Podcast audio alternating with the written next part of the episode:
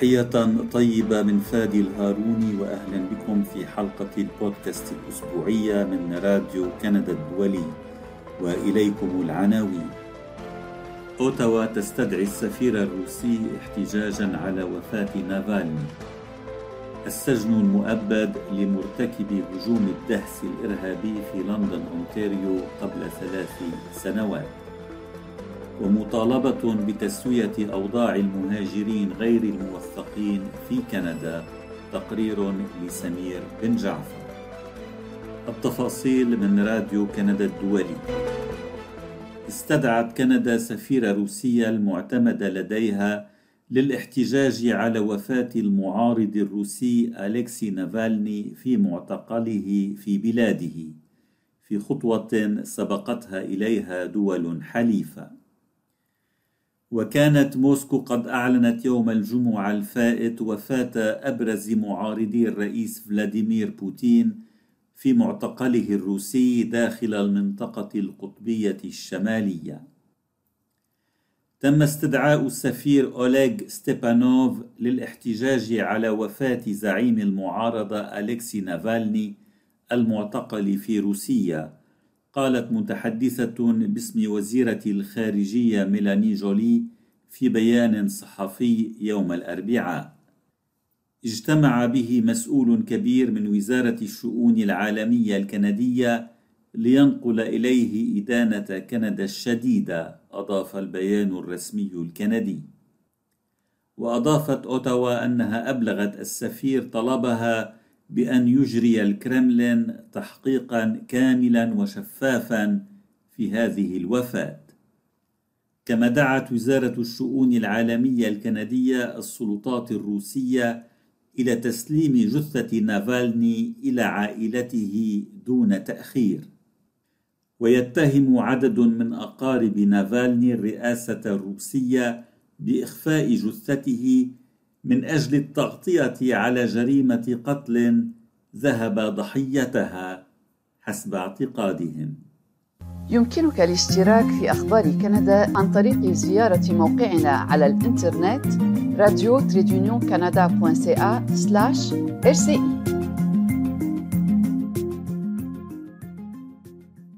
حكمت محكمة أونتاريو العليا على مرتكب الهجوم المتعمد الذي أودى بحياة أربعة أفراد من عائلة مسلمة في لندن أونتاريو قبل ثلاث سنوات حكمت عليه بالسجن مدى الحياة واعتبرت هجومه عملا إرهابيا ولن يكون مؤهلا للإفراج المشروط إلا بعد أن يكون قد أمضى خمسة وعشرين عاما خلف القضبان. ورفضت القاضية روني بوميرانس التي أصدرت الحكم أمس أن تلفظ اسم ناثانيال فيلتمان.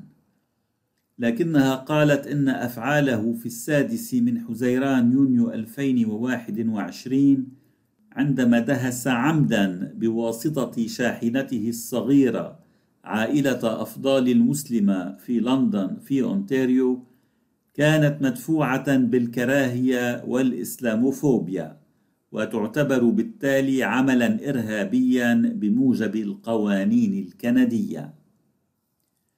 اخترت عدم ذكر اسم الجاني ولا الأشياء البغيضة التي أطلع الشرطة عليها أو التي ذكرها في بيانه. وهذا لأن أفعاله تشكل نشاطا إرهابيا. في الواقع يمكن للمرء أن يقول إن هذه كانت حالة نموذجية من النشاط الإرهابي قالت القاضية بوميرانس. وهذه أول مرة يتم فيها تفعيل قوانين الإرهاب الكندية في محاكمة جريمة قتل من الدرجة الأولى. وكان فيلتمان قد أدين في تشرين الثاني نوفمبر الفائت بأربع تهم بالقتل من الدرجة الأولى وتهمة واحدة بمحاولة القتل لقتله أربعة أشخاص من عائلة أفضال وإصابة خامس هو طفل بجراح في هجوم الدهس الذي قام به. يذكر أن الأفراد الخمسة من عائلة أفضال الباكستانية الأصل كانوا يقومون بنزهة مسائية في إحدى ضواحي لندن عندما دهسهم فيلتمان وكان آنذاك في سن العشرين. أعلنت كندا تقديم ثمانين مليون دولار للبعثة الأمنية المتعددة الجنسيات التي تقودها كينيا في هايتي. حيث تجهد قوات الشرطة فوق طاقتها للتصدي لعنف العصابات المسلحة. وأعلنت وزيرة الخارجية الكندية ميلاني جولي أمس عن هذه المساعدة المالية من مدينة ريو دي جانيرو البرازيلية خلال نشاط داعم لهايتي على هامش اجتماع وزراء خارجية دول مجموعة العشرين. تباطأ معدل التضخم السنوي في كندا إلى 2.9% في كانون الثاني يناير لا سيما بسبب تراجع في أسعار وقود السيارات كما أفادت وكالة الإحصاء الكندية يوم الثلاثاء. وسجلت أسعار البنزين انخفاضا بنسبة أربعة بالمئة على أساس سنوي في كانون الثاني يناير بعد ارتفاعها بنسبة واحد فاصل أربعة بالمئة في كانون الأول ديسمبر ودفعها معدل التضخم السنوي العام آنذاك نحو الأعلى. وتباطأ نمو أسعار المواد الغذائية المشتراة في المتاجر إلى 3.4% على أساس سنوي بعد بلوغه 4.7% في كانون الأول ديسمبر. إلا أن أسعار الفائدة على الرهن العقاري ظلت تشكل قاطرة التضخم فهي ارتفعت بنسبة 27.4% الشهر الماضي على أساس سنوي فيما ارتفعت أسعار الإيجارات بنسبة 7.9% أنت تستمع إلى البودكاست الأسبوعي من راديو كندا الدولي.